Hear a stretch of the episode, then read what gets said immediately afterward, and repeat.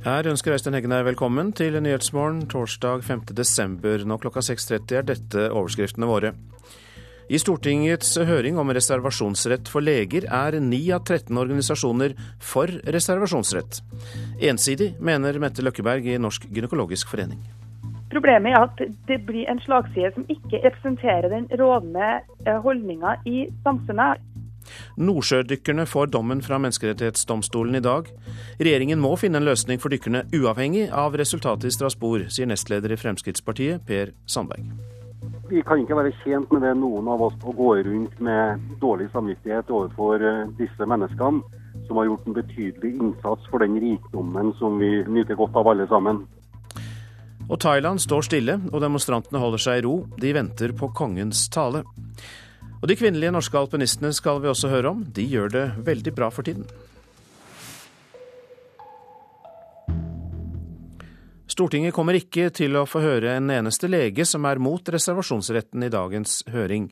Mens motstanderne føler seg forbigått, har kristne organisasjoner mobilisert kraftig foran Stortingets høring om fastlegers rett til å nekte å henvise kvinner til abort.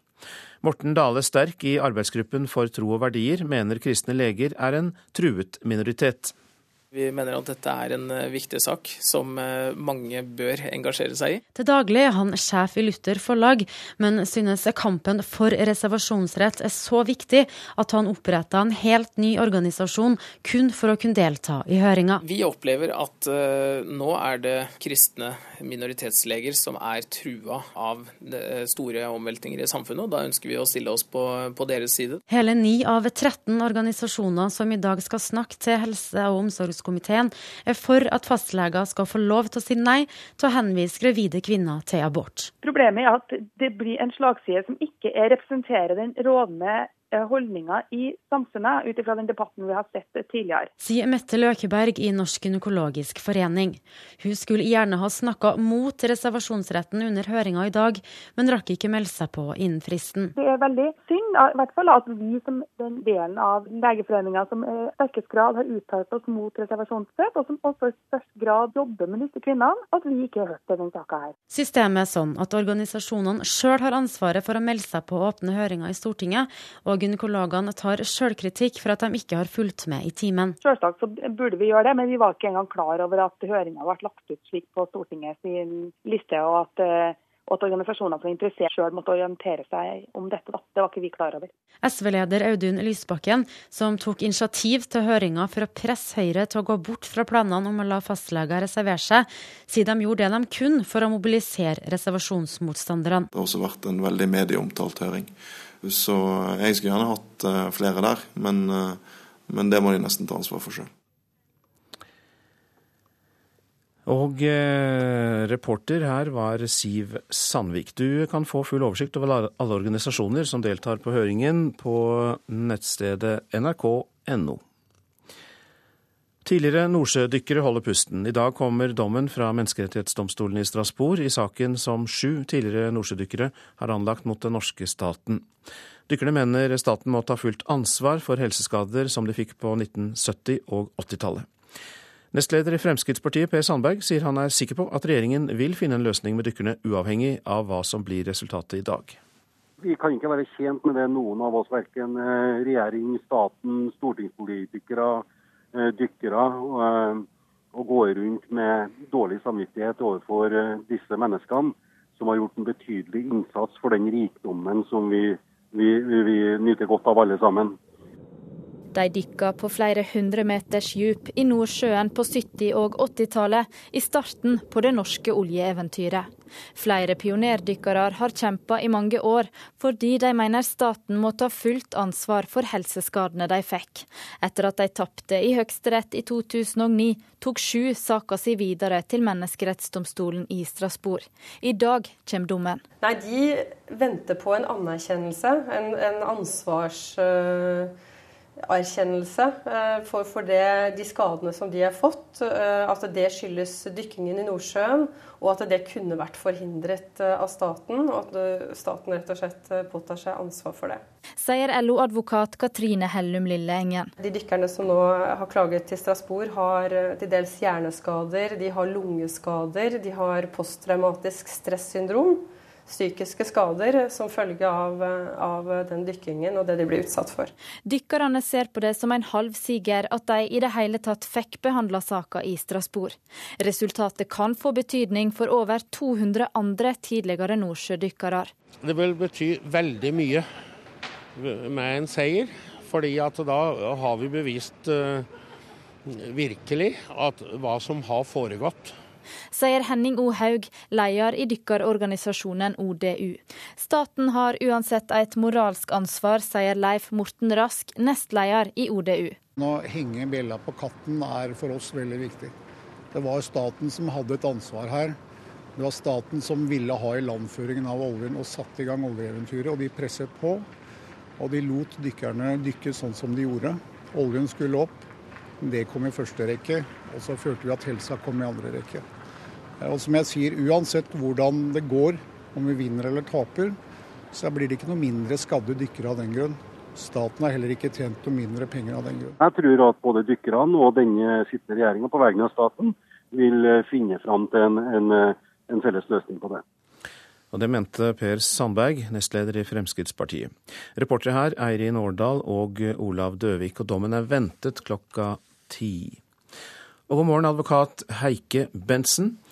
Du eh, jobber i Ness og Lundin, og du har fulgt denne saken siden 2008.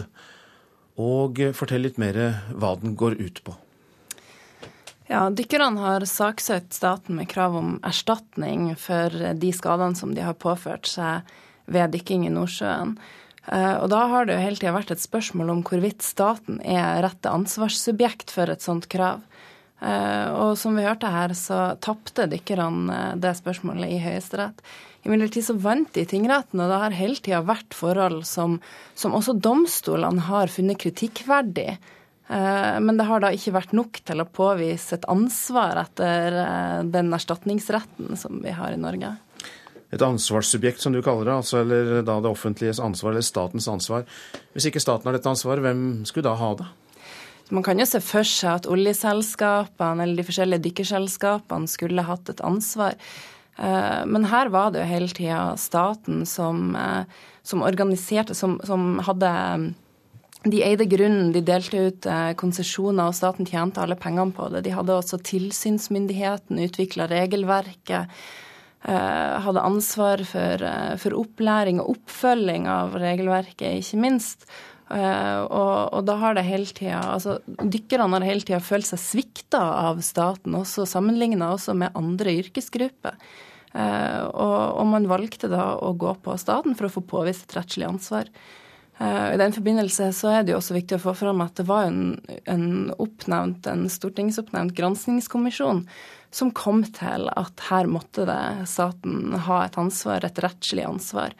Uh, mens da dette ble da behandla senere i komiteen av Lovavdelinga, så kom da den regjeringa som var på den tida, det var vel Bondevik II-regjeringa, kom da til at, eh, at, staten de mente at staten ikke hadde et, eh, et rettslig ansvar, at det et spørsmål i så fall måtte avgjøres av domstolene. Eh, og det var den direkte foranledninga til at dykkerne valgte å ta ut stevning mot staten i 2005. Det jeg lurer på da, er om dette var eh, ren sånn finjuss og formalisme som var årsaken til at eh, regjeringen gjorde det den gangen, eller om de ville slippe å betale?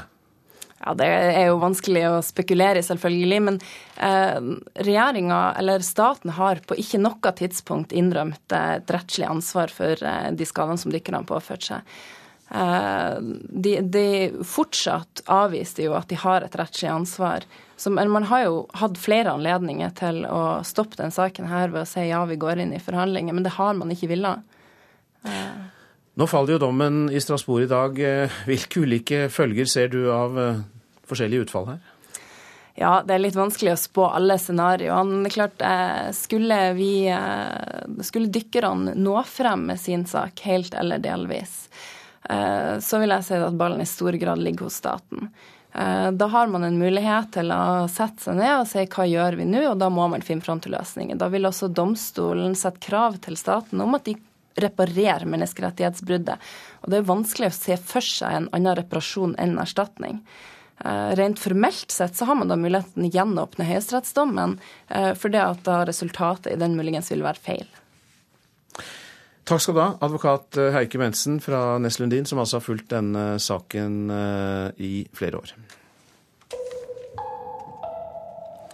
Så til Thailand. Det var store forventninger til kongens tale der i dag. Han feirer 86 år, og hele landet sto stille i respekt for den elskede monarken. Demonstrantene har roa seg ned, for i dag feirer kongen 86 år.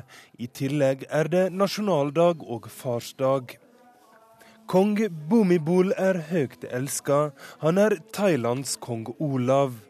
Han har vært konge i Thailand siden 1946, og er den eneste monark som har regjert lenger enn dronning Elisabeth. Og i krisetider har han alltid vært en samlende figur. Men selv om demonstrantene har dempa seg ved demokratimonumentet i Bangkok, har de ikke gitt seg helt. Jeg syns det er særs upassende at regjeringa får audiens hos kongen i dag, sier en pensjonert byråkrat som krever at regjeringa går av, kongebursdag eller ikke. Likevel, også demonstrantene vil i dag fokusere på å feire kongen sin og å be for helsa hans. Og det var eh, Roger Severin Bruland som hadde laget dette innslaget.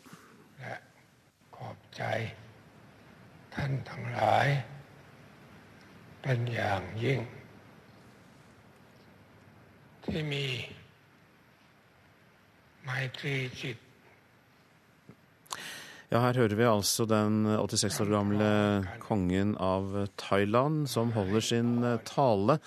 Og eh, det har han altså da nettopp gjort Eh, Asia-korrespondent Anders Magnus, hva har han sagt? Ja, Du hører jo at det er en gammel og syk mann som taler her. Det han sier, er relativt generelle vendinger om at alle eh, thaier nå må utøve eh, sin jobb på den måten at de sørger for stabilitet og sikkerhet eh, for samfunnet og at man skal eh, jobbe sammen eh, for å sikre fred. Det har man gjort eh, i lang tid nå, og det må man fortsette med. Det kan synes svake ord, men i Thailand så er nok dette ganske sterkt. En relativt sterk kritikk av de som har demonstrert. Og det er jo kanskje sårt for dem, for de regner seg selv som de mest kongevennlige og hadde kanskje håpet at kongen skulle Eh, støtte dem og ta avstand fra den sittende regjering. I stedet for så er altså statsminister Yingluck eh, sammen med kongen og kronprins Vajiralongkorn Longkorn og holder tale for kongen og får dermed kastet kongens glans over seg. Slik at på mange måter så har dette vært en dag som regjeringen eh, og selvfølgelig da også demokratiet og flertallet i nasjonalforsamlingen har kommet godt ut av. Fødselsdagen har jo bidratt til å roe ned de politiske gemyttene, hørte vi jo her i innslaget. Hvordan er sannsynligheten for at det fortsetter?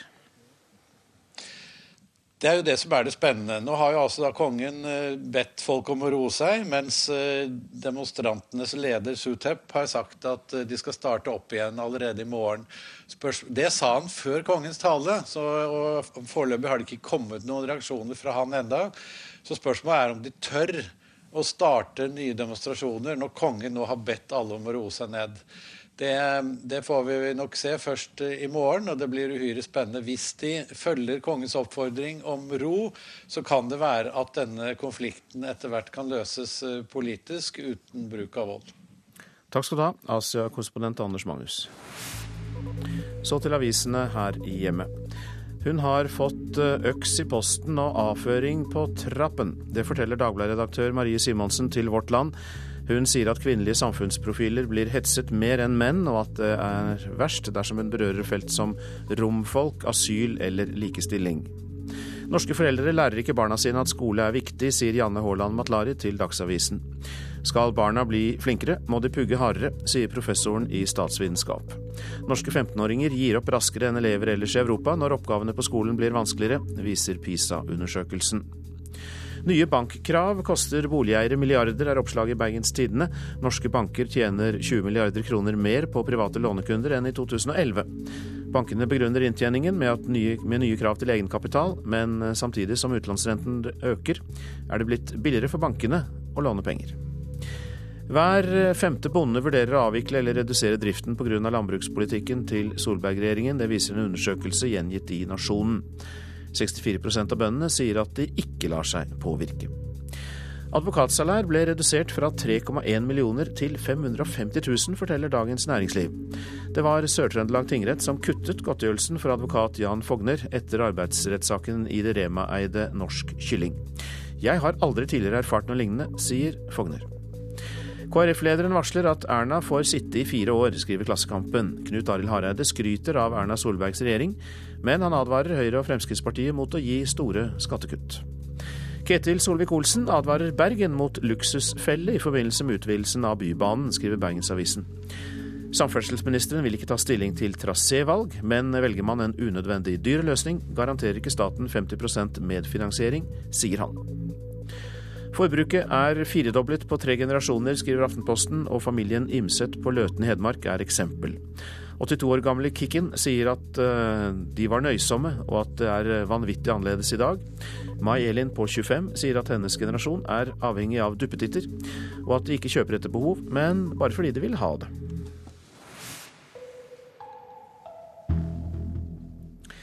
Vi er på vei inn i en stor tid, intet mindre. Det sier nemlig alpin, alpinistenes sportssjef eh, Klaus Ryste etter de imponerende resultatene til de kvinnelige alpinutøverne i helgen. Eh, ja, det er veldig artig å kunne være med på det. Eh, ja, det, er, det er et høydepunkt, liksom. Sier sportssjef Klaus Ryste. Etter Lotte Smith Seierstedts tiendeplass i super-G og Ragnhild Mowinckel åttendeplass i storslalåm, mener han det nå har løsnet for jentene. Det er fantastisk framgang. og Det ble litt sånn ketsjupflasker. Det kommer jo, det er ofte sånn idrett. Eh, og så må vi jo fortsette den jobben, men det viser jo at vi er på rett vei. Og jeg tror at for, for jentene og for teamet rundt jentene så var det her en, en boost som, som, gir en, eh, ja, en sånn naturlig nå, nå, altså. Skal vi trykke til videre og, og, og vises. Det er liksom det at eh, du må begynne et sted med oss også. Og når det har vært et tomrom etter de store profilene på damesida også, så er det vanskelig å liksom tette det med ganske unge løpere som oss sjøl sier Ragnhild Mowinckel etter karrierens beste plassering i helgen. Det er folk som har satsa på oss, og vi har eh, gjort jobben for å komme tilbake. og Det viser jo bare nå at eh, vi er absolutt eh, til å regne med igjen i verdenscupen. Det er utrolig gøy, og jeg gleder meg bare til å neste renn og se hvordan det går med alle sammen. For det, vi er et utrolig sterkt lag nå. og Vi er et ungt, lag, men vi er absolutt på vei oppover. Og Super-G fra Lake Louise kan du følge på NRK2 fra klokka 18.55 på søndag. Og reporter her, det var Emilie Hall Torp. Dette er Nyhetsmorgen, og vi har disse hovedsakene. I Stortingets høring om reservasjonsrett for leger er 9 av 13 organisasjoner for reservasjonsrett. Ensidig mener Mette Løkkeberg i Norsk gynekologisk forening. I dag får nordsjødykkerne dommen fra Menneskerettighetsdomstolen. Nestleder i Frp Per Sandberg sier regjeringen vil finne en løsning med dykkerne, uavhengig av hva som blir resultatet i Strasbourg. Og gitarkurs i fengsel kan gjøre overgang til samfunnet lettere, mener fengselsprest i Kristiansand. Mer om det snart. For mange barn kan barnevernet være noe skummelt, noe de forbinder med barnehjem og frykten for å skilles fra foreldrene. Nå reiser barnevernet i Bærum fra skole til skole, for de vil fortelle hva de faktisk gjør, og at det aldri er farlig å ta kontakt. Vi kan si fra til dere hvis, eh, hvis eh, det skjer noe hjemme. Ja, det er veldig viktig. Si fra til en voksen. Det er liksom det viktigste vi kan si. Mm. Det er mange hender i været hos klasse 5C på Høvik skole i dag. Er det noen barnehjem i Norge, da? Det er noen barnehjem i Norge, men det er ingen barn i Norge som skal vokse opp på et barnehjem. Klassen har besøk av Ane Fjellanger og Marianne Hoff fra barnevernet i Bærum. De er med i et pilotprosjekt der de reiser rundt og snakker direkte med barn om hva barnevernet jobber med. Jeg trodde at de skulle være på barnehjemmet resten av livet. At de alltid tok de barna som hadde vanskeligheter, og puttet i barnehjem. Oh. Med sånne store spisesaler og sovesenger. Og Det er jo også derfor det er veldig viktig for oss å komme ut og prate. Det er jo ikke det som vi gjør mest av, og heller ikke det barna flest trenger å vite med oss. Altså De trenger å vite hvor de skal henvende seg hvis det skulle være noe. Og avlive litt de mytene om disse store barnehjemssalene. Bærum er den første kommunen som prøver denne ordningen. Man kan tenke seg at mange tydelig er ute etter å få litt informasjon om hva som kan skje hvis man kontakter barnevernet. Og det tenker jeg at dette prosjektet kan være en del av å senke den terskelen til å ta kontakt. De, de kommer liksom ikke bare og henter barn, og de spør om hjelp også. Eller de spør for å hjelpe, da. Barnevernskonsulentene sier at de har fått såpass gode tilbakemeldinger at de håper prosjektet blir en fast ordning. Ja, jeg tenker nok det er et, eh, et, altså ikke et prosjekt, men noe som man bør vurdere å gjøre kontinuerlig, da. På en måte Hvis det er veldig noe som skjer hjemme hos de barna som ringer, så kan de dra hjem til de barna og snakke med foreldrene og barna for å bare bli enige om en ting. Reporter her, det var Siran Øsalp Gildrin. Private teaterprodusenter i Oslo ønsker seg en ordning som kan stimulere til flere private gaver, slik at de kan konkurrere med statsstøttede teatre. Det er lite trolig at de får en slik gaveforsterkningsordning, sier statssekretær Knut Olav Åmås. Her er her er vi øver inn eh, alle låtene til, til eh, ja, til skuespillerne. Så vi prøver med ensemblet bak døren der, og så bruker jeg dette pianoet her da, til, å, til, å, gjøre det vi Atle Halstensen, som driver selskapet Sene Kvelder, er i prøvesalen på Folketeatret i Oslo. Her har det blitt øvet til musikaler som My Fair Lady og Annie. Store produksjoner med mange mennesker på scenen. Det, jeg tror jeg kan si at det å drive teater Eh, private teaterproduksjoner, i alle fall ensembleteaterproduksjoner, eh, det har aldri vært tøffere enn det er akkurat nå. Sier Halstensen. Og det er mange, mange grunner til det. Eh, men, men bottom line er at det er utrolig eh, små marginer eh, som skal til, eh, som skiller mellom total fiasko og, og suksess. I alle fall når det da kommer til den økonomiske biten og, og dekningsbidraget som ligger i forhold til den økonomiske delen av driften. På tross av at Annie var en publikumssuksess, mener Halstensen at det er for hardt å drive kommersielt teater i Oslo. Nylig avlyste han barneforestillingen om Shrek som skulle gått på Folketeatret av økonomiske grunner. I et brev til kulturminister Toril Vidvei skriver Halstensen at for at de private teaterne skal kunne delta i en sunn konkurranse med de statsstøttede, burde komme i stand støtteordninger også for dem. Støtte får han av direktør for Thalia teater, Bjørn Heiseldal. Nei, altså Vi håper jo det at vi skal få en type gaveforsterkningsordning også for uh, private investeringer i teater. Vi har jo brukt våre egne penger nå i snart 30 år.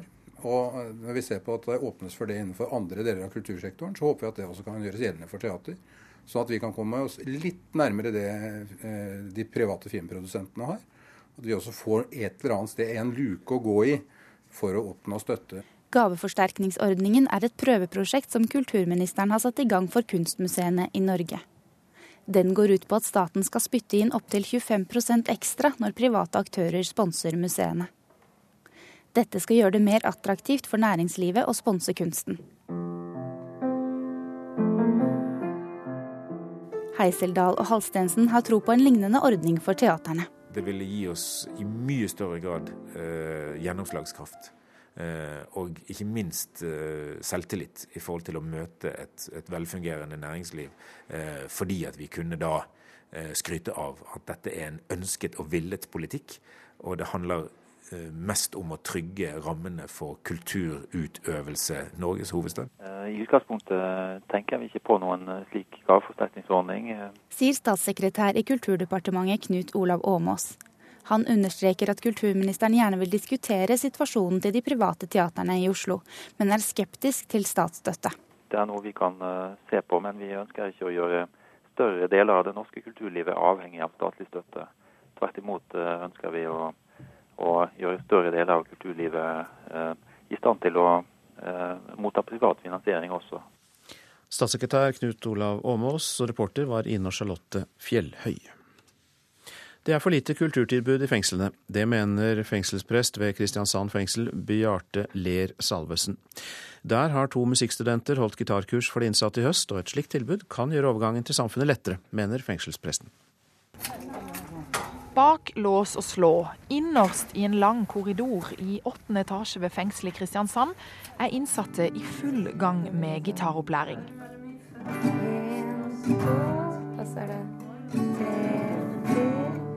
Hanne Mari Horverak og Birgitte Uleberg ved Ansgar musikkhøgskole i Kristiansand har tatt initiativet til kurset, etter at de holdt en konsert i fengselet tidligere i år. Etterpå så gikk jo gitaren litt rundt, og merka at det var veldig mange som var gira på spillet, da. Så det var nice. Det er slitsomt med bytte greier. Det, det er så bra øvings. Preben har gått to ganger på gitarkurset, og allerede har han lært å spille en sang. Har du lært hvordan du skal dra? For du gjør det helt riktig. Gjør det? Ja, gjør det. Hvordan føles det å kunne en sang? Nei, det er veldig gøy. Ja. Det er det. Veldig, veldig bra. God tid å øve på. Sier Jon, som skryter av gitarkurset han er med på. Er det mye tilbud for deg? Nei. Liksom. Det her er jo et lukka fengsel, da. Så det er litt annerledes her. Men syns du det burde vært mer kultur i fengsel? Altså, det er jo et avbrekk fra hverdagen, liksom. Så det hadde jo vært gøy. Er det flere. Fengselsprest ved Kristiansand fengsel, Bjarte Ler Salvesen, tror det frivillige kurset er viktig for de innsatte. Jeg tror det betyr mye å bli, å, å, å bli sett av noen utenfra, som kommer inn og skaper en normalitet i fengselet. Så det ikke blir prat om bare med betjenter og, og innsatte og, og, vi andre som jobber der, men man kommer og gjør, gjør noe sammen som flytter fokuset bort fra soning. Han sier det er generelt lite kulturtiltak i norske fengsler. Sånn er det i lukka fengsler. Så betjenter og andre som jobber her, gjør en, gjør en fin jobb med, med, det de skal. Og så er det litt, litt eh, folk innom. Det er en flott bibliotekar som er her jevnlig. Godt tilbud når det gjelder, gjelder, bøker og sånn, men ellers er det lite. Kriminalomsorg handler jo også om å gjøre veien tilbake til samfunnet så, så kort som mulig. Og da kan eh, disse små tingene som en hobby, som, som gode møter inne, være med å gjøre, gjøre veien tilbake litt kortere. Reporter i Kristiansand fengsel, det var Mairi McDonald. Nå til værvarselet. Fjell i Sør-Norge først. Sør for Finse vestlig kuling, ellers stort sett rolige vindforhold. Snø, mest nedbør i sør. Fra i ettermiddag nordvestlig kuling, storm i sør. Snøbyger, flest i vestlige områder. Så til Østlandet og Telemark. Øking til sørvestlig liten storm på kysten. Snø, regn nær kysten. I kveld nordlig kuling og liten storm på kysten. Det blir lokalt kraftige vindkast i, på Østlandet og Telemark. Og oppholdsvær i kveld, da. Agder øking til sørvest stedvis full storm på kysten. Regn, snø i fjellet. I kveld nordvest full storm på kysten og lokalt kraftige vindkast. Byger i vestlige områder av Agder, ellers opphold. Rogaland og Hordaland sørvest liten storm. Regn, snø i høyden. Fra i ettermiddag nordvest full storm, periodevis sterk storm på kysten. I kveld litt minkende vind nord for Bergen. Det blir snøbyger i kveld og utrygt for torden. Sogn og Fjordane øking til nordøst sterk kuling. Snø, regn på kysten. Fra i ettermiddag nordlig liten storm. I kveld litt minkende vind. Snøbyger i kveld, utrygt for torden. Møre og Romsdal og Trøndelag nordvest periodevis liten kuling. Fra i ettermiddag periodevis sterk kuling på Søre Sunnmøre, og det blir snøbyger, utrygt for torden. Nordland etter hvert rolige vindforhold på Helgeland, ellers sørvestlig periodevis sterk kuling. I Vesterålen sørvestlig stiv kuling, minkende vind i kveld og snøbyger. Troms sørøst liten kuling utsatte steder, stort sett opphold. Finnmark østlig vind på kysten, i vest stiv kuling og spredt snø. Nordensjøland på Spitsbergen, der blir det nordøstlig opp i liten kuling og oppholdsvær. Så tar vi temperaturer klokka fire. Svalbard lufthavn minus 17, Kirkenes minus 7, Varde minus 1, Alta minus 6, Tromsø minus 3, Bodø minus 1, Brønnøysund pluss 1, Trondheim-Værnes minus 2, Molde 0, Bergen-Flesland 3 plussgrader, Stavanger 5, Kristiansand-Kjevik 4. Gardermoen 0, Lillehammer minus 1, Røros minus 6 og Oslo-Blindern 0 grader. Først en liten påminnelse, og deretter Dagsnytt.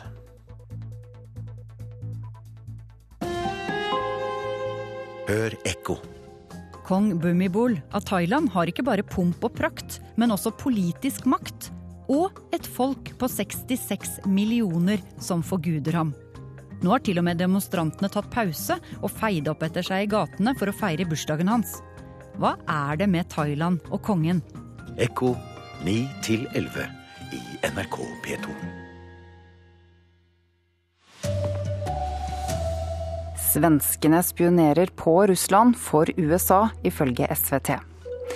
Det kan bli forsinkelser og innstilte tog i Sør-Norge pga. uværet som er ventet. Her er NRK Dagsnytt klokken sju. Den svenske etterretningstjenesten FRA spionerer på Russlands politiske toppledelse og sender informasjonen til USA.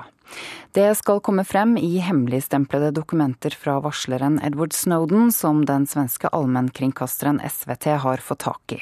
Snowden ga mange dokumenter til varslernettstedet Wikileaks, og avsløringene har eh, avslørt storstilt amerikansk overvåking av allierte land.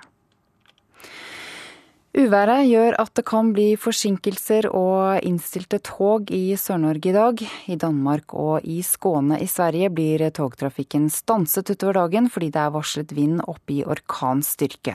Her hjemme forsøker Jernbaneverket å holde togtrafikken i gang, men beredskapen kan bli økt til oransje og rødt, sier pressevakt Dag Svinsås. Blir det ekstra ille vær, så går vi over til det som heter oransje. Da er det siktehastighet med maks 40 km i timen, i tillegg til at vi kjører med visitasjon sjøl. Og blir vi redd for sikkerheten, for vi setter sikkerheten øverst, så stenger vi banestrekningen, og da kaller vi det for rød beredskap. Regjeringen gir skattelette til de rikeste og sender regningen til pensjonister, bønder og anleggsfirmaer. Det sier tidligere landbruksminister Trygve Slagsvold Vedum. Han reagerer på at det skal bli dyrere å kjøpe drivstoff til oljefyrer og anleggsmaskiner. Budsjettet fra finansminister Siv Jensen inneholder en prisøke på 52 øre literen på mineralolje, bl.a. avgiftsfri diesel og fyringsolje. Det betyr 655 nye millioner kroner til staten.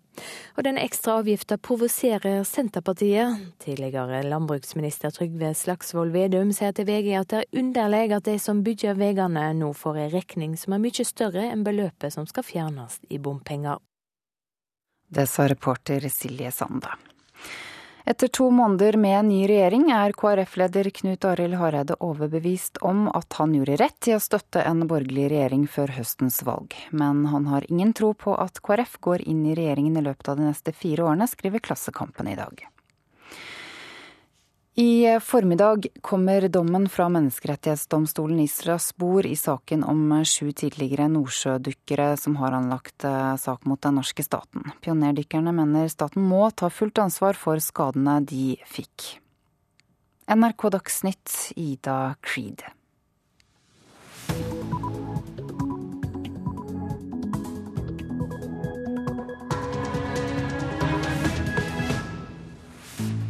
Nyhetsmorgen fortsetter med disse sakene. Enke skjønte ikke brev fra Nav, tapte 200 000 kroner i pensjon. Full storm flere steder altså, og mye snø på Sørlandet, Østlandet og deler av Vestlandet. Vi tar kontakt med veitrafikksentralen. Flere sjåfører må lukes bort fra veiene, de har for dårlig helse, sier Trygg Trafikk. Og Ukraina bør vende seg mer mot Europa, sier utenriksminister Børge Brende, som nå er i Kiev.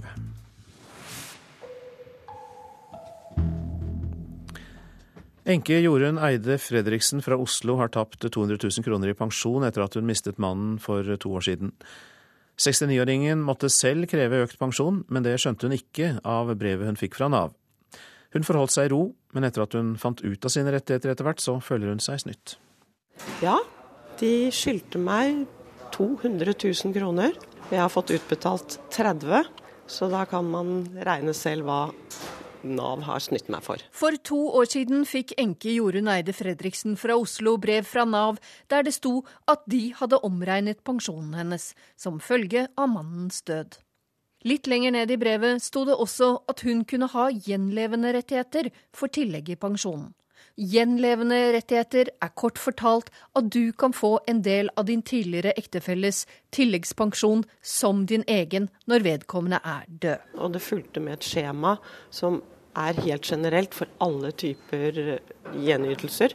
Det sto heller ikke der et ord om tilleggspensjon, så jeg la det til side. Jeg skjønte ikke at dette gjaldt meg. Dermed gikk hun glipp av 200 000 kroner. Nå mener hun Nav har feilinformert henne. Jeg syns definitivt at Nav har gjort feil. Og jeg er også veldig irritert fordi jeg vet at dette må gjelde veldig mange andre òg. Det som kan være vanskelig for folk å forstå, det er jo hva en gjenlevende pensjon er. I Nav sier ytelsesdirektør Kjersti Monland at Nav har fulgt reglene, men at informasjonen kunne vært bedre, at de har endret på rutinene, og at saken vil behandles på ny. Hva er grunnen til at tilleggspensjonsberegningen, som vi egentlig snakker om, eh, ikke skjer automatisk? Eh, gjenlevende pensjon, må jeg da rette deg til å si, eh, skjer ikke automatisk fordi at alle ytelser som du har krav på, skal det søkes om. Det er bestemmelser i folketrygden som gjør at du må søke. Av 60 000 etterlatte som har fått brevet, har vel halvparten søkt om økt pensjon. Harald Engelstad, som er pensjonsrådgiver og forfatter av Pensjonsboka, mener saken er langt over streken. I tillegg så får de ikke etterbetalt mer enn tre måneder når de oppdager det, hvis de oppdager det. Jeg vil gå så langt som å si at dette er egentlig en form for statlig trygdemisbruk, når folk ikke får det de har krav på. Det er sterke ord. Det er veldig sterke ord. Jeg bruker det sjelden om Nav. Men i denne saken så mener jeg det har gått over streken. Dette er en form for prinsipprytteri som ikke kan forsvares. Jeg kan ikke se en eneste grunn til at Nav skulle innføre denne nye rutinen. Reporter Hedvig Bjørgum, og dersom du har blitt nysgjerrig på hva som sto i dette brevet, så kan du lese det på nrk.no. Og du har også lest eh, Heidi Bunes eh, Eklund. Eh, du er språkkonsulent i Arkitekst og hjelper det offentlige med språket. Og hva sto i brevet? Ja, det sto jo informasjon der. Men det er klart at det er forvirrende, begrepsbruken her. Det er jeg helt enig i. Og jeg tror noe av utfordringen er at dette er jo generell informasjon som skal tilpasses mange ulike lesere. Selv om de er i noe av den samme situasjonen, så er det ulike situasjoner som den skal dekke. Og da kan det være vanskelig å kjenne seg igjen og se at dette gjelder meg. Du skal jo gi råd til det offentlige, og her hørte vi jo at dette begrepet gjenlevende rettigheter ble brukt et stykke ned i brevet. Isteden så kunne man vel aller øverst ha skrevet 'du kan ha penger til gode'? Eh, ja, det er mange muligheter å gjøre det på. Og jeg tror noe av det viktigste er jo å spørre de som skal få brevene. Hva, hva forstår dere? Hva tenker dere er gode begreper? Og hva skal til for at dere henger med? Eh, sånn at vi, at vi, får forklart det vi, eh, det vi har å si. Eh, så her er det mange muligheter å gjøre det på, men vi må i hvert fall sørge for at eh, at eh, vi ikke tar for gitt at dette er kjent, kjent stoff. Dette er et komplisert fagfelt. Og vi, det holder ikke at vi har vært på det tørre å si at dette er en presis definisjon. Dette burde leseren kjenne til. Her må vi, må vi, eh, forklare hva er det vi legger i dette begrepet, så at ikke leseren forstår noe annet og, og misforstår det. Ja, for jeg tenker som så at uh, man har sitt på det tørre. Ja, juridisk, men man bør også ha sitt på det tørre språklig. Mm.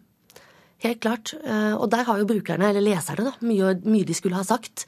Eh, så her eh, tror jeg det ville hjulpet mye om man kunne tilpasse informasjonen enda mer. Det er lettere å forstå hvis du får informasjon om at dette, i din sak så gjelder dette, du må gjøre sånn og sånn. Og det er klart at det blir veldig tydelig dette skjemaet som man skal fylle ut, når man ikke finner en kategori som passer i sitt tilfelle, eh, så, er det et ganske stort problem. Og der gir jo digitale løsninger gir jo helt andre muligheter for å veilede leseren gjennom, gjennom informasjonen. da. Men ikke for eh, de aller eldste, kanskje? Digitale løsninger? Nei, Kanskje ikke foreløpig, mm. men jeg tror allikevel at de gode løsningene i fremtiden ligger nok der. Ok. Men la oss ta fatt på det du gjør når du øh, øh, ja, tar byråkratene fatt. Hvordan går du til verks når du skal få dem til å skrive enklere? Eh, for at en tekst skal være klar, så må leseren både finne den informasjonen som eh, han eller hun er på jakt etter, og da er det jo viktig at strukturen er veldig tydelig. Det er kanskje også noe av utfordringen med dette brevet, at veldig veldig sentral informasjon er gjemt litt bort. Eh, sånn at vi, vi får kanskje ikke inntrykk av hvor viktig den informasjonen er. Her er det lagt inn en mellomtittel, altså en underoverskrift. Rettigheter som gjenlevende.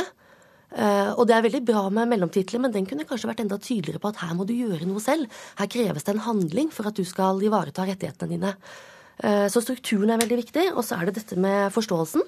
Forklare begreper. Bruke begrepene på en veldig gjennomtenkt måte uh, som gjør at leseren henger med. Eh, og hele tiden få fram dette med, med, handlingen av de tekstene som det offentlige skriver. De skal jo ivareta en, en oppgave, både for myndighetene og ofte også for den som, som sitter i andre enden. Da. Så da er det et viktig aspekt å få tydelig fram. Så mitt forslag i dette tilfellet om at uh, du kan ha penger til gode, dette må du søke om, kunne ha fungert bedre? Det kan være et godt forslag. Mm. Mange takk skal du ha, Heidi Bunes Eklund fra språkkonsulentene i uh, Arkitekst. Etter at eh, Nord-Norge har smakt på kong vinter lenge, så kommer den nå for fullt også til Sør-Norge. Det er meldt eh, full storm flere steder og mye snø på Sørlandet, Østlandet og deler av Vestlandet. Bilbergingsselskapene har kalt inn ekstramannskaper, Vegvesenet er i full beredskap, og statsmeteorolog Mariann Foss ber folk ta sine forholdsregler. Jeg vil jo kanskje anbefale å holde seg innendørs da på kvelden. For i dag blir også Sør-Norge rammet av uvær. Nordvestlig full storm med vindkast på 40 sekundmeter, kombinert med regn og snø. Verst blir det i Rogaland og Agder, men også lenger nordøst blir det uvær. I Telemark og sørlige deler av Østlandet er det også venta kraftig vindkast eh, torsdag kveld. Det blir eh, opp mot 25 meter per sekund. En av konsekvensene er vanskelige føreforhold. Flere steder har Vegvesenet ekstrakontroller i dag, for å luke ut vogntog som står i fare for å kjøre seg fast, og sperre for annen trafikk. Et av disse stedene er Borlaug i Sogn og Fjordane, der E16 over Filefjell møter rv. 52 Hemsedalsveien, sier seksjonsleder Tormod Gausdal. Der stopper vi all trafikk av tunge kjøretøy som skal over fjellet. Vi pålegger de kjettingpålegging og bruker de opp fjellet. Eh, de kjøretøyene som vi erfaringsmessig vet vil få problemer og stå fast, de eh, gir vi et tilbud om at de kan stoppe der, snu og komme seg ned igjen og vente til det blir bedre forhold. Her har vi også eh, masse, masse verktøy. Bilberger Anders Karlsson i Falk viser frem en av redningsbilene han kjører. Spade for å fjerne litt snø og sånne ting. Slepetau og trosser har vi. Masse dirkeutstyr. NRK har snakket med de tre store bilbergingsselskapene, NAF, Viking og Falk. I Sør-Norge har alle kalt inn ekstramannskaper, både i telefonmottak og på veiene. Anders har vært ute en vinterdag før og vet hva som venter. Det kommer til å bli en kaos. Det er masse fastkjøringer, startingser, utlåsninger. Livet er opp ned. Så nå må vi bare prøve å rette det på plass. Også for togene kan det bli vanskelig i dag. Pressevakt i Jernbaneverket, Dag Svinsås, sier at hvis sikten blir svært dårlig, kan togene få maksfart på 40 km i timen. Og blir det enda verre, kan hele banestrekninger bli stengt. Vi vil jo gjøre bort vårt for at eh, togene skal gå, men eh, vi setter sikkerheten først. Kommunikasjonsrådgiver i NAF, Nils Sødal, oppfordrer folk til å la bilen stå. De som kan ta bussen, komme seg på andre måter enn å bruke bilen, kan kanskje være lurt, for det blir nok glatte veier hvis det slår til for fullt dette her. Reportere Kjartan Røslett og Fredrik Lauritzen. Trude Lindstad i Veitrafikksentralen, god morgen til deg. Ja, god morgen. Vinteren kommer vel alltid litt overraskende, kanskje særlig på storbyfolket? Ja, det har den dessverre en tendens til. Den, den første snøen den kommer brått, uansett. Hvordan er veiene forskjellige steder nå, i Sør-Norge da særlig kanskje? Ja, Foreløpig så er det ikke så veldig mye å melde fra lavlandet. Der, der går det stort sett greit, og vi har stort sett eh, fine forhold. Men eh, fjellovergangene, der er det rufsete. Har vi mast litt for mye med dette her, da, eller er det sånn at eh, denne snøen kommer snart? Nei, Vi eh, fikk vel varsler i går på at det skulle komme ganske mye snø fra morgenen av. Og nå har vel det værvarselet endra seg noe. Så det er kanskje ikke de store snømengdene, men, eh, men det meldes jo fortsatt om mye vind og, og til dels vanskelige kjøreforhold. Altså, det gjør det. Ja, Så hvilke utfordringer kan bilistene møte? Ja, Hvis vi tar fjellovergangene først, så er det klart at vi, vi, har mange fjelloverganger. Eller du kan si alle fjelloverganger nå mellom øst og vest i Sør-Norge. Der er det enten stengt eller kolonnekjørt. Så man må på en måte velge kysten. Og det er klart det er kanskje ikke et veldig godt alternativ nå utover dagen etter hvert som vinden kommer inn. Så for de så er det en utfordring. Og eh, sånn videre utover dagen så, så er vi litt engstelige for dette med løse gjenstander og skilter og trær som skal blåse ned, rett og slett. Er det noe bilistene må tenke på, noe de må ha med seg, forberede seg på? Ja, altså Jeg vil i hvert fall henstille alle om å, om å på en måte lytte til det meteorologer og det politiet sier i forhold til eh, å eventuelt vurdere å la bilen stå, hvis det er vurdert som farlig å ta bilen ut. Det, det er vel det, det, beste rådet nå. Og selvfølgelig holde seg oppdatert på de veiene som faktisk, om, om de er oppe eller stengt. Men eh, foreløpig nå på morgenen så er det altså ikke veldig vanskelig og krevende kjøreforhold eh, i lavlandet i Sør-Norge? Nei, foreløpig så har vi ikke noe særlig å melde om i lavlandet, nei. Takk skal du ha, Trude Rinstad i Veitrafikksentralen. Dette er Nyhetsmorgen, og klokka den går mot kvart over sju. Vi har disse hovedsakene. Enke forsto ikke brev fra Nav, tapte 200 000 kroner i pensjon. Det eh, svenske etterretningstjenesten spionerer på Russland for eh, USA, ifølge svensk televisjon. Og flere sjåfører må lukes bort fra veiene, de har for dårlig helse, sier Trygg Trafikk. Mer om det senere.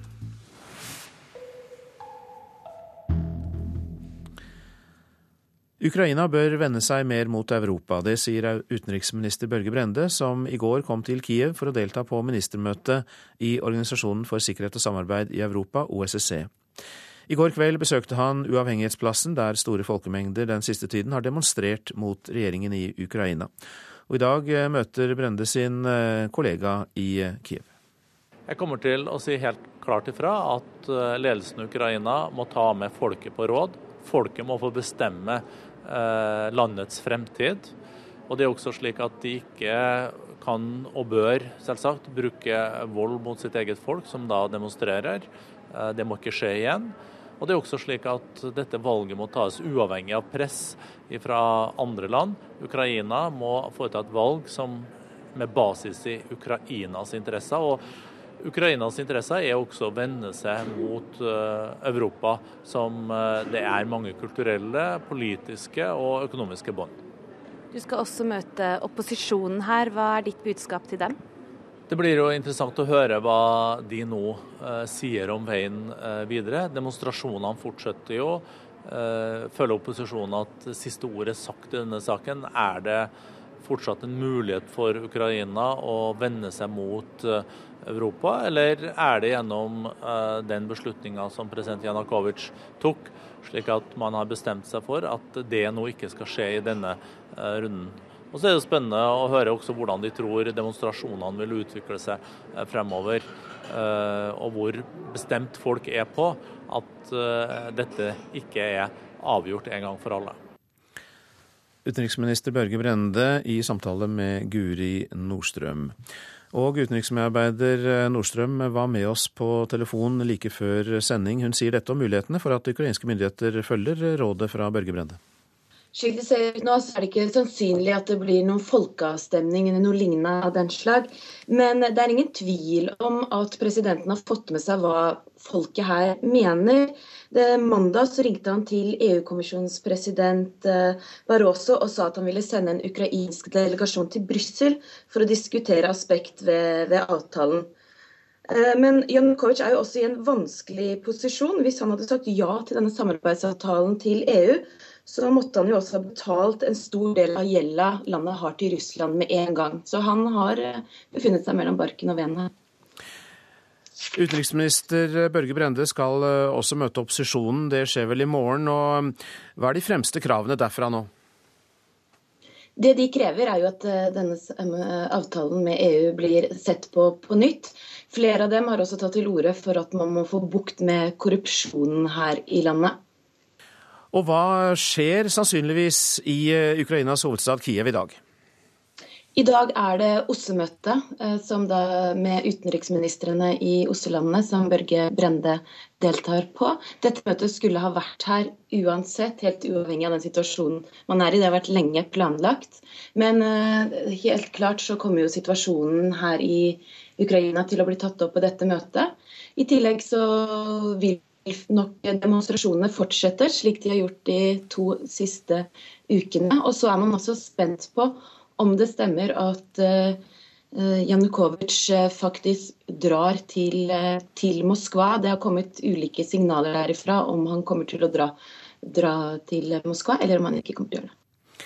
Utenriksmedarbeider Guri Nordstrøm fra Kiev, og hun følger med på møtet i Organisasjonen for sikkerhet og samarbeid i Europa, der eh, utenriksminister Børge Brende deltar. Forsvarets radioanstalt i Sverige er en viktig samarbeidspartner når USA skal spionere på toppledelsen i Russland. Det hevder TV-selskapet SVT, som har fått tilgang på flere hemmelige dokumenter fra spiontiltalte Edward Snowden. Og utenriksmedarbeider Roger Severin Bruland, du har oppdatert deg på dette nå på morgenkvisten. og Hva slags opplysninger har SVT fått tak i? Eh, ja, det er jo snakk om eh, omfattende eh, spionasje, da. Det er ikke snakk om en svensk James Bond her som har vært i Russland og spionert på Putin, men det er snakk om såkalla signaletterretning, avlytting av datatrafikk, telefontrafikk.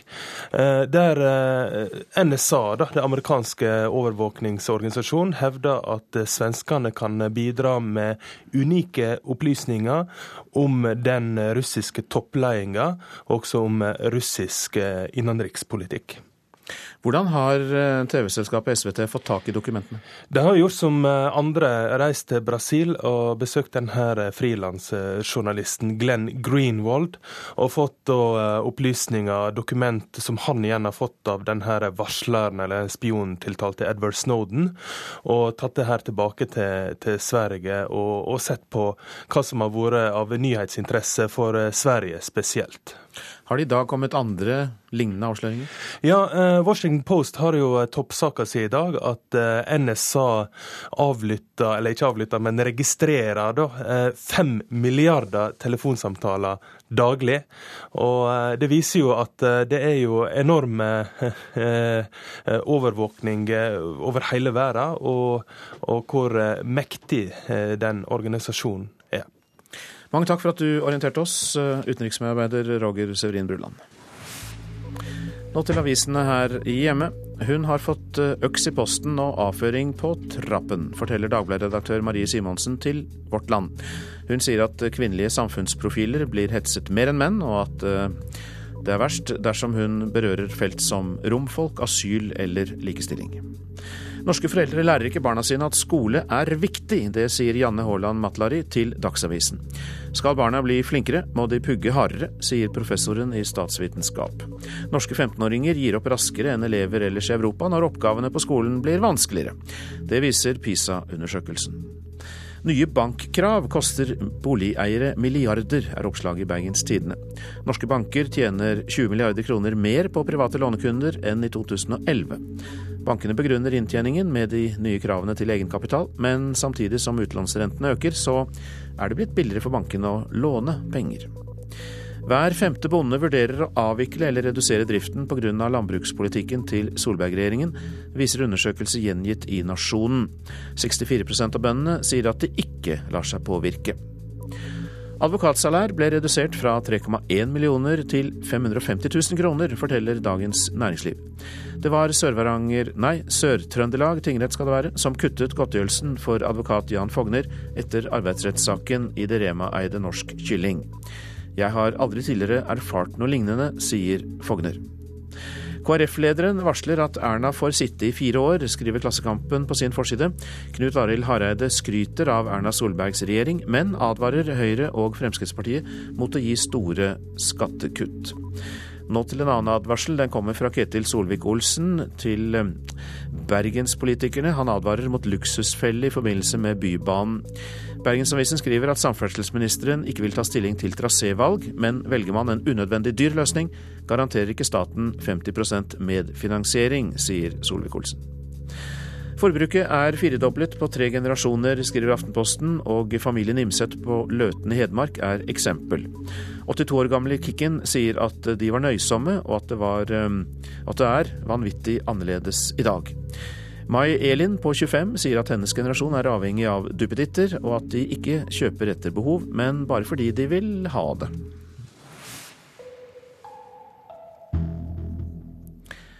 Det trengs større innsats for å luke bort trafikkfarlige bilførere fra veiene, mener Trygg Trafikk. I første halvår i år mistet nesten 5000 nordmenn sertifikatet pga. for dårlig helse. Det er ikke noe menneskerett å ha sertifikat. Det sier Ingrid Lea Mæland i Trygg Trafikk i Rogaland. Hun mener det fortsatt er altfor mange trafikkfarlige sjåfører. Enten fordi de har en sykdom, er svekka pga. alder, eller ikke minst pga. rus. Det er mange ulykker som skjer pga. at eh, personen som kjørte, var rusa. Og de vil vi ikke ha på veiene. Det er unødvendig risiko. I første halvår i år mista nesten 5000 nordmenn sertifikatet av helsemessige årsaker. Men forskjellene er store fra fylke til fylke. Mens det i Nord-Trøndelag ble inndratt 265 førerkort per 100 000 innbyggere, er tallet i Telemark bare 100, og i Oslo og Akershus 105.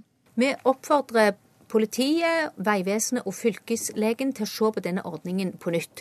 De gjennomfører mye av dette i dag, men vi ser at eh, vi kunne fått systematisert arbeidet kanskje på en enda bedre måte og i samarbeid med fastlegene, som òg har en viktig oppgave i dette. Møre og Romsdal er et av fylkene som har grepet fatt i problemet, sier assisterende fylkeslege Cato Innerdal. I hovedsak så dreier det seg om opplæring, men kanskje aller mest er det egentlig en bevisstgjøring av den sentrale rollen som leger og psykologer har når det gjelder eh, å bidra til trafikksikkerheten. Og arbeidet har gitt resultater. Det vi har sett eh, de siste tre åra, er en nedgang i antallet drepte i trafikken i Møre og Romsdal. Eh, hvorvidt det skyldes det det her arbeidet er jo av naturlige årsaker umulig å gi et godt svar på, men personlig så er jeg overbevist om at leger med dette arbeidet har bidratt til å forhindre alvorlige skader eller dødsfall i trafikken.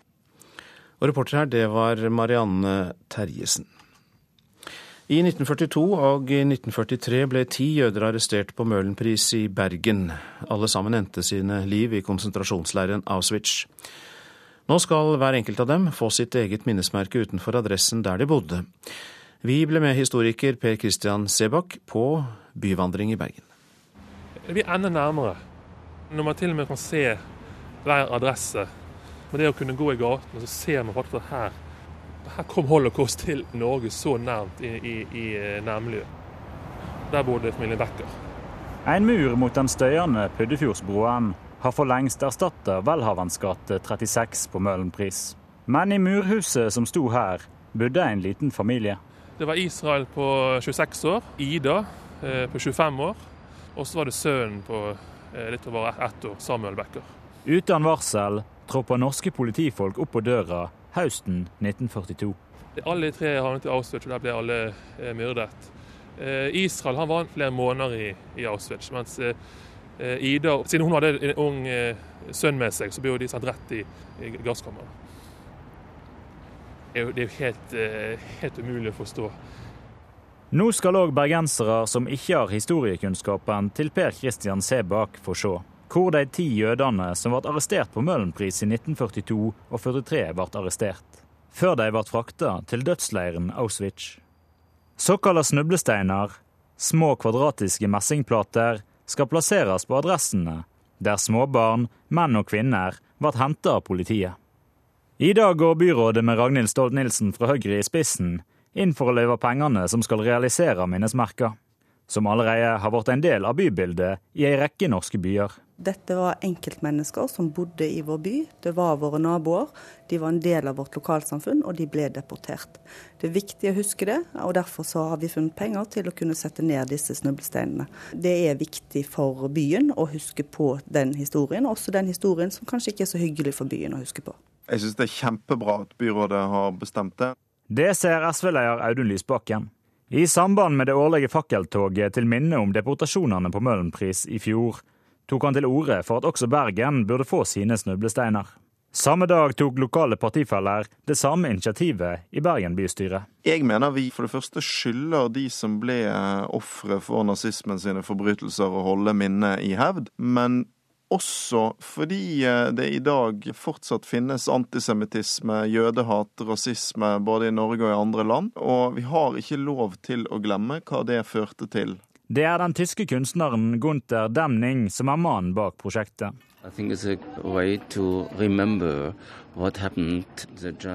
Det er viktig å huske hva tyskerne gjorde da de arresterte og deporterte seks millioner jøder, sa Demning da han la ned steinene i Trondheim i fjor. Titusentalls snublesteiner minner i dag om det som skjedde i europeiske byer. Nei, det å kunne se hus og sånt, at det faktisk skjedde, det ja, spesielt. de, de gir inntrykk. de gjør det. Per Christian Sebak har forflytta seg et stykke lenger ned i Welhavens gate. I tredje etasje i den lyseblå bygarden bodde kjemikeren Paul Borinski sammen med kona Alice. Også de får sine snublesteiner. Her var det brostein opprinnelig, men her er det asfalt, da, så det blir rett utenfor her. ja. Utenfor eh, gate 73. Eh, det er en sånn myte som går sant, at det var tyskerne gjorde det. Tyskerne tok det. Nei, det var faktisk eh, norske statsborgere, norske statspolitibetjenter. Og de fikk hjelp av kriminalpolitiet til å arrestere eh, jøder i, i Bergen og resten av Norge. Sa historikeren Per Christian Sebakk til reporter Sølve Rydland. Prosent for Nyhetsmorgen i dag, Eli Bjelland. Her i studio, Øystein Heggen. Demonstrasjonen har bølget på Tahrir-plassen i Kairo, men uansett uro og strid, så har dørene alltid vært åpne inn til Egypts historiske museum like ved. Det er dit vi skal i reportasjen etter Dagsnytt.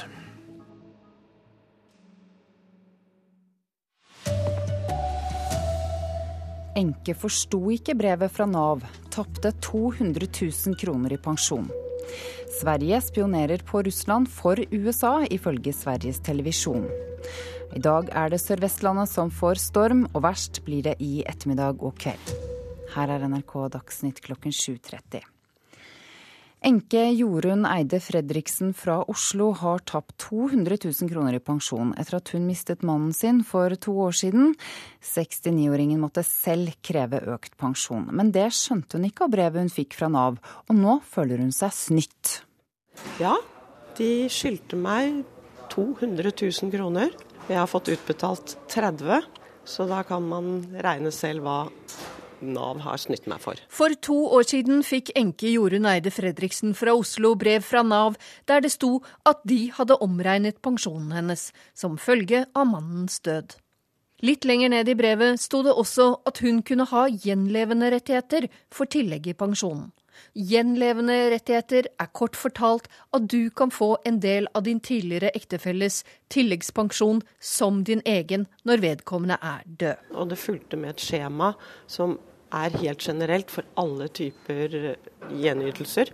Det sto heller ikke der et ord om tilleggspensjon. Så jeg la det til side. Jeg skjønte ikke at dette gjaldt meg. Dermed gikk hun glipp av 200 000 kroner nå mener hun Nav har feilinformert henne. Det som kan være vanskelig for folk å forstå, det er jo hva en gjenlevende pensjon er. I Nav sier ytelsesdirektør Kjersti Monland at Nav har fulgt reglene, men at informasjonen kunne vært bedre, at de har endret på rutinene, og at saken vil behandles på ny. Av 60 000 etterlatte som har fått brevet, har vel halvparten søkt om økt pensjon. Harald Engelstad, som er pensjonsrådgiver og forfatter av Pensjonsboka, mener saken er langt over streken. Jeg vil gå så langt som å si at dette er egentlig en form for statlig trygdemisbruk. Det er sterke ord. Det er veldig sterke ord. Jeg bruker det sjelden om Nav, men i denne saken så mener jeg det har gått over streken. Og du kan lese dette brevet fra Nav og hele saken på nrk.no. Reporter var Hedvig Bjørgum. Den eh, svenske etterretningstjenesten FRA spionerer på Russlands politiske toppledelse og sender informasjonen til USA. Det skal komme frem i hemmeligstemplede dokumenter fra varsleren Edward Snowden, som den svenske allmennkringkasteren SVT har fått tak i. Og utenriksmedarbeider Roger Severin Bruland, hva slags opplysninger er dette egentlig? Ja, Det er viktig å legge vekt på at det er ikke noen eh, svensk eh, James Bond som har vært i Russland og spionert på Putin. Det her, det her er signaletterretning etterretning, data, tele, overvåkningstrafikk som svenskene har fått tak i, og som amerikanerne hevder er svært eh, unik. Informasjon de ikke kan få tak i på noe annet vis, eh, som da blir veldig verdifull. Det er snakk om informasjon om eh, den russiske toppledelsen og om russisk innenrikspolitikk. Hvordan har SVT fått tak i disse dokumentene? De har reist til Brasil og snakka med denne frilansjournalisten Greenwald, som har samarbeidet med Snowden, og som skal sitte på alle dokumenter som Snowden stal fra NSA. Har svensk etterretning lov til å gi fra seg slike opplysninger? Eh, det er ganske vanlig at eh, etterretningstjenester i land som samarbeider med hverandre, handler informasjon med hverandre. Og dess mer unik informasjon du har, dess bedre informasjon får du tilbake. Vi skal hjem igjen og høre at i dag er det ventet at vinteren kommer for fullt til eh, Sør-Norge. Det er meldt full storm flere steder og mye snø på Sørlandet, Østlandet og deler av Vestlandet. Bilbergingsselskapene har kalt inn ekstramannskaper, Vegvesenet er i høy beredskap, og statsmeteorolog Mariann Foss ber folk forberede seg. Jeg vil jo kanskje anbefale å holde seg innendørs da på kvelden. For i dag blir også Sør-Norge rammet av uvær. Nordvestlig full storm med vindkast på 40 sekundmeter, kombinert med regn og snø. Verst blir det i Rogaland og Agder, men også lenger nordøst blir det uvær. I Telemark og sørlige deler av Østlandet er det også venta kraftig vindkast eh, torsdag kveld. Det blir eh, opp mot 25 meter per sekund. En av konsekvensene er vanskelige føreforhold.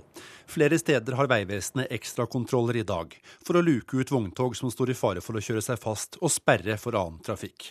Et av disse stedene er Borlaug i Sogn og Fjordane, der E16 over Filefjell møter rv. 52 Hemsedalsveien, sier seksjonsleder Tormod Gausdal. Der stopper vi all trafikk av tunge kjøretøyer som skal over fjellet. Vi pålegger de kjettingpålegging og bruker de opp fjellet.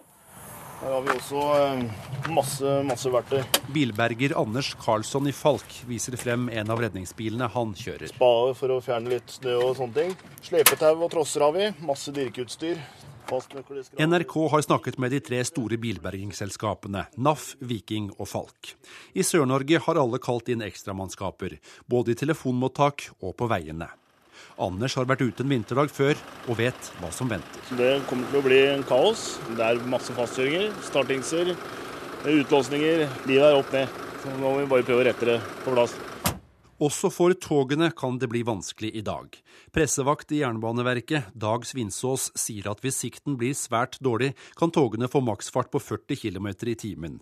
Og blir det enda verre, kan hele banestrekninger bli stengt. Vi vil jo gjøre vårt for at togene skal gå, men eh, vi setter sikkerheten først. Reportere her var Kjartan Røslett og Fredrik Lauritzen.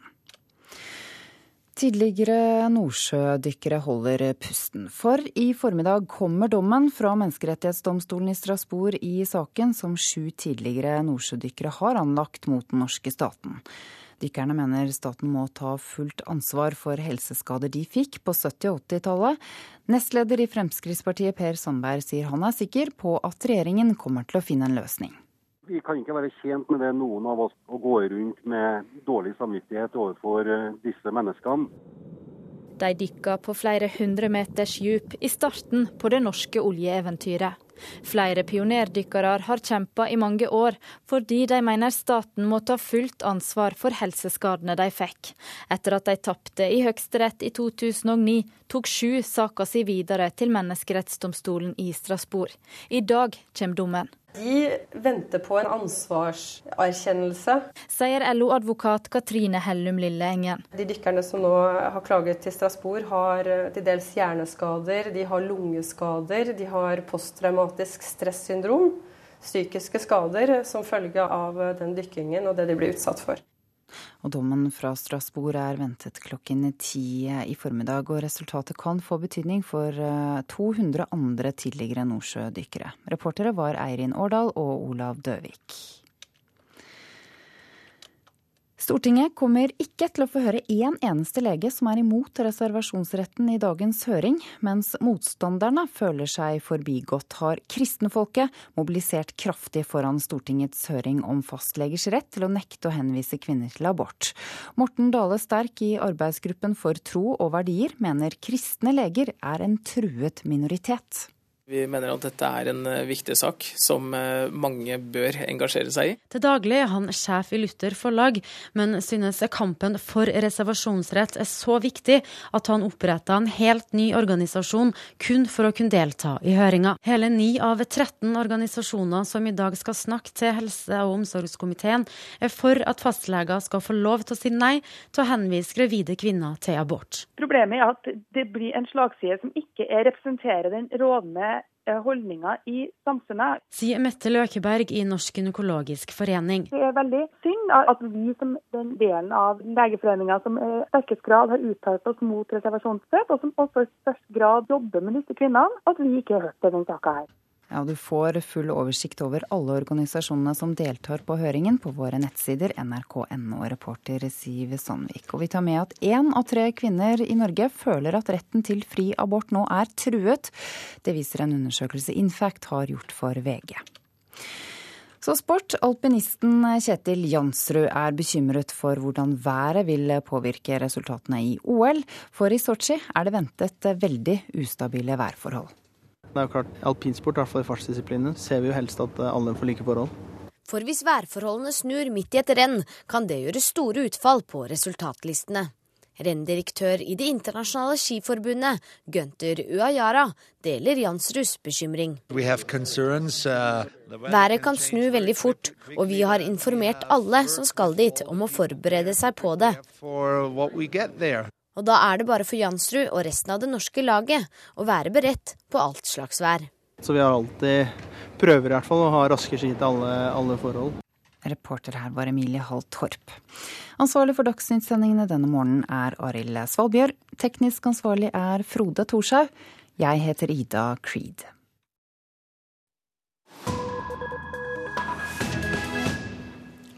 Dette er Nyhetsmorgen. I Egypt har Tahrir-plassen blitt selve symbolet på revolusjonen og preget av kraftige sammenstøt. Men like ved ligger Egypts historiske museum, som til tross for uroen på plassen, har holdt sine dører åpne hele tiden. Allahu Akbar! Allahu Akbar! Hundrevis av mennesker gjør seg klare til bønn. Andre veiver med det egyptiske flagget og plakater av avsatt president Morsi, som de støtter. Unge menn og kvinner samlet seg på Tahrir-plassen i helgen.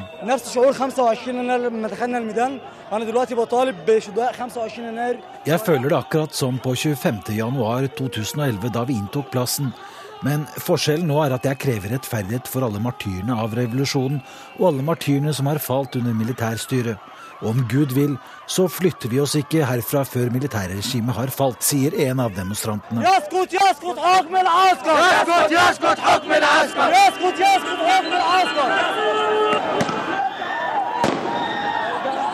Men det er ikke lenge de får holde på før politiet ruller inn sine pansrede mørkeblå kassevogner og skyter tåregass inn i mengden av demonstranter.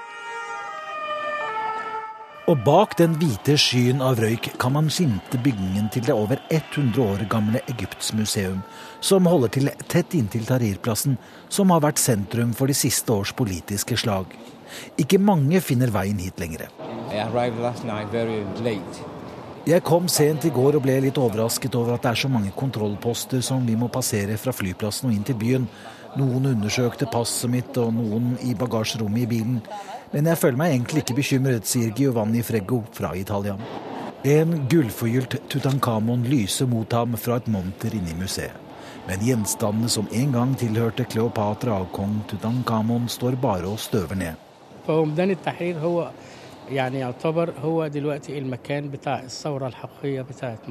Tahrir-plassen ble grunnlaget for den egyptiske revolusjonen. Museet er som et termometer som blir påvirket av den politiske situasjonen på plassen utenfor. Med andre ord, antallet besøkende til museet har falt mye sett i forhold til før revolusjonen, sier Sayed Amer, som leder museet. Museet syntes til slutt det ble vanskelig å vise fram Egypts historie uten å knytte det til de politiske tumultene på gaten utenfor. Nå har de stilt ut mange saker som ble ødelagt eller stjålet under revolusjonsdagen i 2011. I tillegg ønsker de å utvide museet og flytte inn i de gamle partilokalene i kontorblokka ved siden av. Ambisjoner til tross, det kommer nesten ikke folk. Inntektene ved Egypts historiske plasser har falt dramatisk, fra 16 millioner dollar til snaue to, ifølge myndighetene. I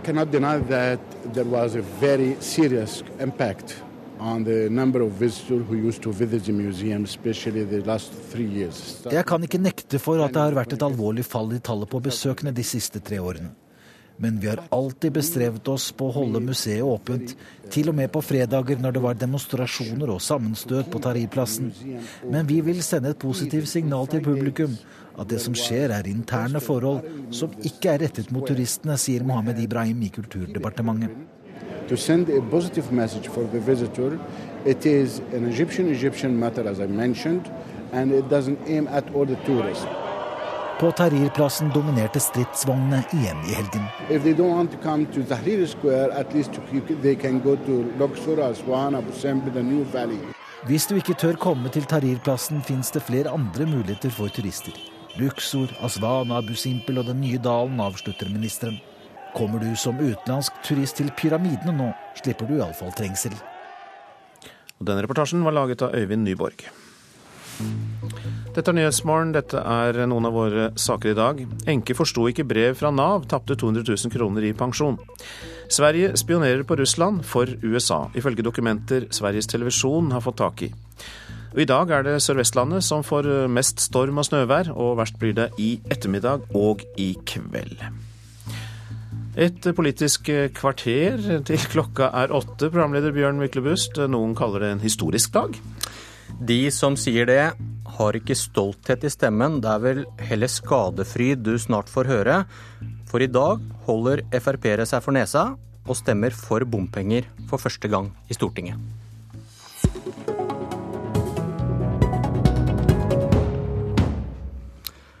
Orker du å se på, samferdselsminister Ketil Solvik-Olsen? Det blir ikke gøy når vi i dag som følge av å sitte i regjering òg må stemme for et par bompengeprosjekt. Vi skulle gjerne sett at de veiene ble bygd uten bompenger. Men i bytte for det, så får vi samtidig stemt imot bompengeprosjektet i dag. E134 på Seljord skulle vært bompengefinansiert. Og fordi at vi sitter i regjering, så skjer det ikke.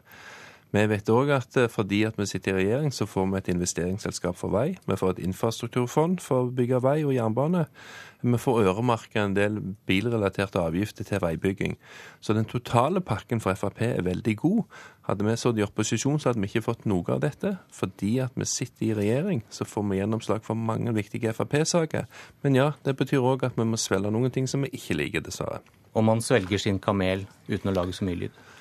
Det er ikke vits i å grine over det som uansett ville blitt vedtatt. Selv om Frp hadde stemt imot, så hadde du fått de nye bomprosjektene. Men det som du nå får som er helt nytt, det er jo at Arbeiderpartiet stemmer for å fjerne noen bomstasjoner. Faktisk stortingsflertallet stemmer for å fjerne noen bomstasjoner. Det har aldri skjedd før.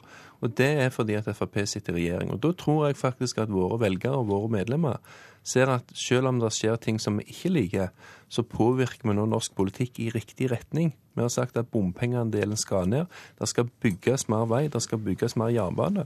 Våre velgere ser at jeg eh, på tirsdag var i Sverige og fikk til et eh, samarbeid med svenskene om grensekryssende transport.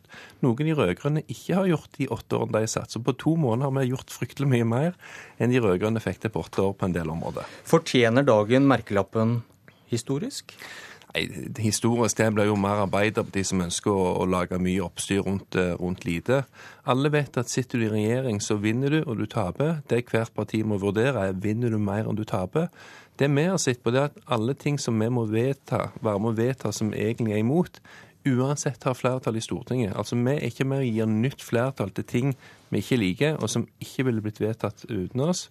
Men alle sakene vi vinner, er ting som ikke ville blitt vedtatt fordi det utgangspunktet ting Frp ikke har flertall for. Så vår, for å si det litt enklere, vår regjeringsdeltakelse gir oss flertall for ting som i opposisjon aldri ville fått gjennom. Mens det vi taper, er ting som uansett ville blitt vedtatt fordi stortingsflertallet ønsker det. Og det er en byttehandel jeg kan leve veldig godt med. Vi skal snart slippe til din motdebattant her, men hvor, hvorfor hørte vi ingen forbehold om oppslutning da dere lovet å fjerne alle bomstasjoner? Ja, men det tror jeg Hvis du ser på alle partiene sine valgkampløfter, så sier de at det er ting de vil kjempe for. Ulike partier har ulike standpunkt, men de kjemper for det. Dette kan fjernes i løpet av 100 dager? ja, hvis FAP, hvis Frp, hadde fått fullt gjennomslag, så kunne en gjort det. Og Derfor vil Frp fortsatt kjempe for å fjerne bomstasjoner, for det er en dårlig, ineffektiv måte å bygge veier på. Det koster altså mange steder fryktelig mye penger å inndrive de bompengene for å betale for vei. De rød-grønne gikk i hele valgkampen og sa at det er meningsløst å kjøpe vei på avbetaling. Da viste de til Høyre sine OPS-prosjekt. Samtidig så ser vi jo på TV 2 sitt bomometer hvor enormt mye penger vi krever inn hver dag for å betale ned veilån som de rød-grønne har inngått. Altså penge, vei bygd på avbetaling. Men det, det du sier er at velgere bør skjønne at valgløfter de er bare gyldige hvis man får 50,1 av stemmene? Nei, her vil en jo se at selv om Frp ikke har fått over 50 så har vi fått gjennomslag for veldig mange ting. Et eget veiinvesteringsselskap, et eget infrastrukturfond, øremerking av bilavgifter og en del gjennomslag på bompenger. Men eh, vi kan altså ikke garantere at på tvers av demokratisk ønske så får vi gjennomslag for all vår politikk. Det velgerne må vurdere, er får vi så mye gjennomslag at det er verdt å inngå kompromissene. Og her er det ingen tvil om at jo, det er verdt det, fordi at for første gang så påvirker vi norsk samferdselspolitikk i en gigantisk god retning. Men det betyr òg at det er ting der de andre har det jeg mener er dårlige standpunkt, men som vi må akseptere i bytte for at de stemmer for våre standpunkt. Eirin Sund, nestleder i samferdselskomiteen på Stortinget fra Arbeiderpartiet. I dag er det en historisk dag, for dette blir vel det endelige beviset på at Frp er et parti det går an å samarbeide med? Jeg mener jo at det er en historisk dag, for for første gang eh, jeg, jeg tror det er historien, så må, så også Fremskrittspartiet forholde seg til den verden vi lever i. Eh, de har sittet på utsida i alle år eh, og stemt imot alle bomprosjekt og en del andre ting som folk ikke syns er veldig populært. Nå er de i regjering eh, og er nødt til å forholde seg til pengesekken og den størrelsen den er, og ser at eh, de er nødt til å gå inn for altså i dag to nye milliarder eh, i bomprosjekt. Så jeg tenker også litt sånn når jeg hører på Ketil Sove-Olsen nå, så sier han at det er valgoppslutningen deres på 16% som er avgjørende for hvor mye bom som skal vekk eller ikke. Det er, jo, det er jo veldig spesielt, for Fremskrittspartiet var jo kanskje det partiet som helt til den dagen folk gikk inn valgdøra, holdt oppe fana og sa at bommene skulle vekk fra dag én. Altså i, i, julen i fjor, eller på denne tida i fjor, så satt vi i Stortinget, og da fremma Fremskrittspartiet forslag om at en skulle eh, ta vekk 25 milliarder av, av bompengene. Så det er noe med, noe med, det de har eh, sagt og lovt velgerne sine, ikke bare i jul i fjor, men i alle år, som da blir ingenting når de kommer til makta. Sånn at det, jeg mener at det er spesielt, for det at når Ketil Sove-Olsen prøver å skape et inntrykk av at nå har de fått så mye Altså Når det gjelder det veiselskapet, så vet vi ikke om det blir en holdt på å si en meter mer med vei med et nytt veiselskap. Det investeringsfondet som en har sagt skal komme, det vil ha veldig veldig få milliarder som en kan bruke til, til vei. Og de bomselskapene, eller bompengene som dere skal ta vekk, det er en halv milliard. Og det er ingenting i forhold til de 100 milliardene som vi skal dra inn på bompenger de neste ti år. Det er jo greit at du i hvert fall bekrefter hvor bompengekåte dere var i regjering, som selv på små veiprosjekt innførte bompengesatser som gjorde at mange bygder følte at de ble delt i to. Jeg har fått mange takkebrev fra lokale ordførere, næringslivsfolk og innbyggere som sier at endelig blir lokalsamfunnet vårt ett igjen. Fordi den bommen som har blitt satt opp under de rød-grønne, har delt seg arbeidsmarkedet, delt boligmarkedet. Eh, men ja, altså det er ting her som vi absolutt ikke liker. Men jeg tror jo at eh, Arbeiderpartiet fortsatt bør ha eh, sin egen regjeringsdeltakelse såpass i hukommelsen at de husker at de lovte å fylle alle landets eh, svømmebasseng på skoler med vann. Dere brukte åtte år, det er masse tørre basseng ennå. Dere lovte en månelanding på Mongstad og har brukt mange mange milliarder kroner på det. Og det ble ikke noe av. og dere hadde Er det litt lite raust? Ja, altså, det, det, blir en veldig smålig debatt. fordi at For det første så gir Arbeiderpartiet her et inntrykk av at det eneste som har betydd noe for FrPs regjeringsdeltakelse, er bompenger bompenger er en viktig prinsipp for oss, fordi at du allerede har betalt gjennom bilrelaterte avgifter de samme veiene tre ganger.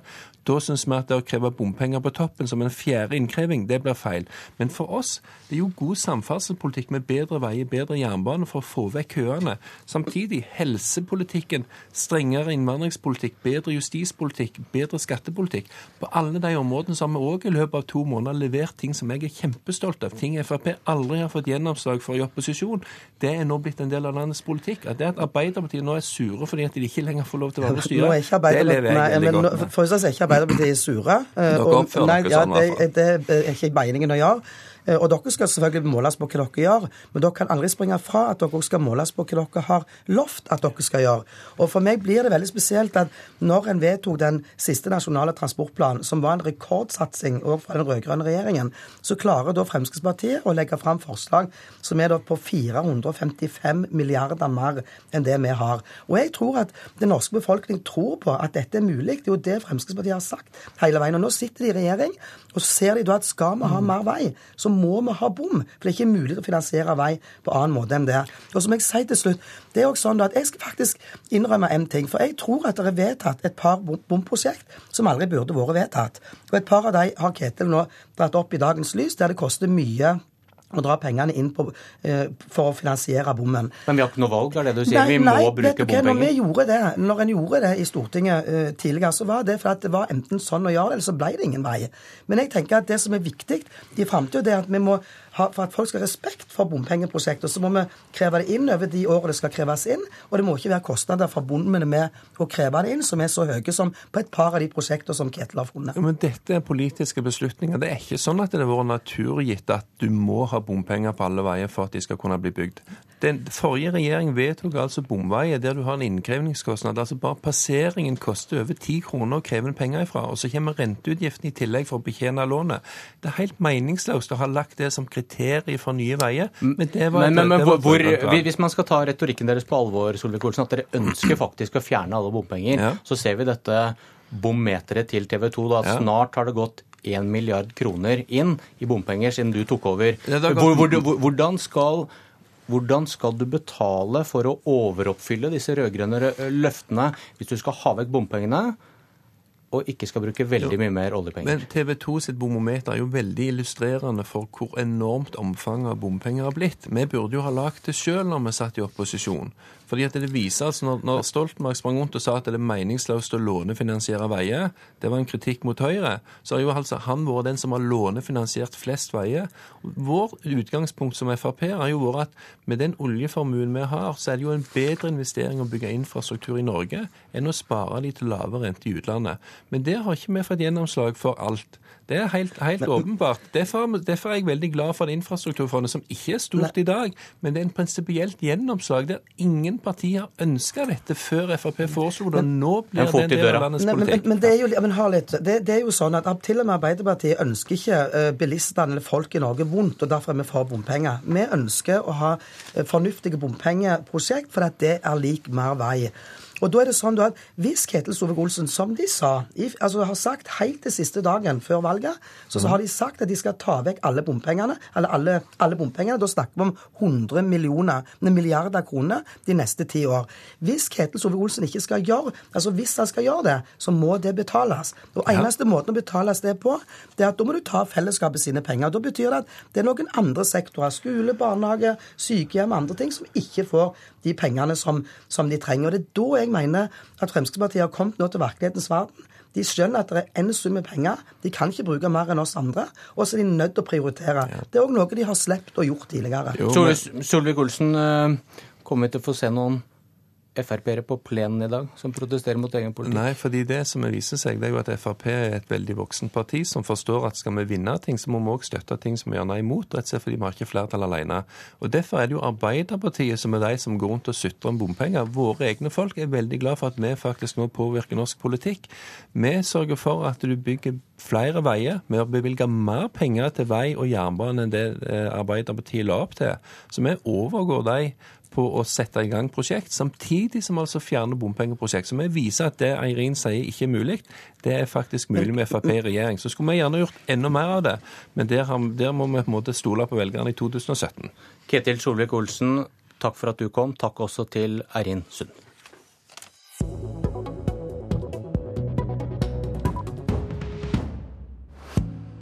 Vi har lest aviser. Jeg føler meg som en skulker hver dag, sier Kristin Halvorsen til Dagbladet. Halvorsen føler seg også rampete når hun våkner uten jobb. Avisa forteller om avgåtte rød-grønne statsråders jobbjakt. Men hvis de leser Klassekampen i dag, gis det ikke noe stort håp om comeback. Mange på venstresiden håper at Kristelig Folkeparti vil snu og vende Høyre og Frp ryggen. Men KrF-leder Knut Arild Hareide forteller at han nå, etter to måneder med ny regjering, sier at det er citat, veldig stor sannsynlighet for at Erna Solbergs regjering sitter i fire år. Frp og Høyre har virkelig stått opp for saker som er viktige for oss. Og han tenker kanskje bl.a. på reservasjonsretten. For Hareide klarte å få regjeringen til å åpne for at fastleger skal kunne si nei til å henvise kvinner til abort. I dag er det høring om dette i Stortinget. Og i en VG-måling svarer 31% av kvinnene at selvbestemt abort nå er truet. Lederen i Høyres kvinneforum, Julie Bråttkorp, mener kritikerne har lykkes i å spre en ubegrunnet frykt. Men kanskje det skjeve bildet rettes opp i dag, for som NRK har fortalt, Stortinget kommer ikke til å få høre en eneste lege som er mot reservasjonsretten i dagens høring. Til slutt Dagens Næringsliv. Men eh, hvis man har noe å frykte, så har man noe å frykte, da sikkert. da. Men er det nå Per Sandberg sin tur til å bli redd? For i morgen må Frp gjøre én ting til som ikke er lystbetont. Skal nestleder Sandberg kastes ut av partiet pga. boka si? Sandberg kom med kraftige angrep på politikere fra Troms, bl.a. stortingskollega Øyvind Korsberg. Over halvparten av lokallagene i Troms ber nå partiledelsen vurdere om Per Sandberg har brutt vedtektene, som kan føre til eksklusjon. Derfor må sentralstyret ta stilling til om Sandberg skal fredes eller ikke.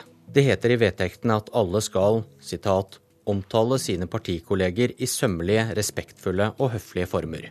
Sandberg har beskrevet Korsberg som løgnaktig og hevngjerrig.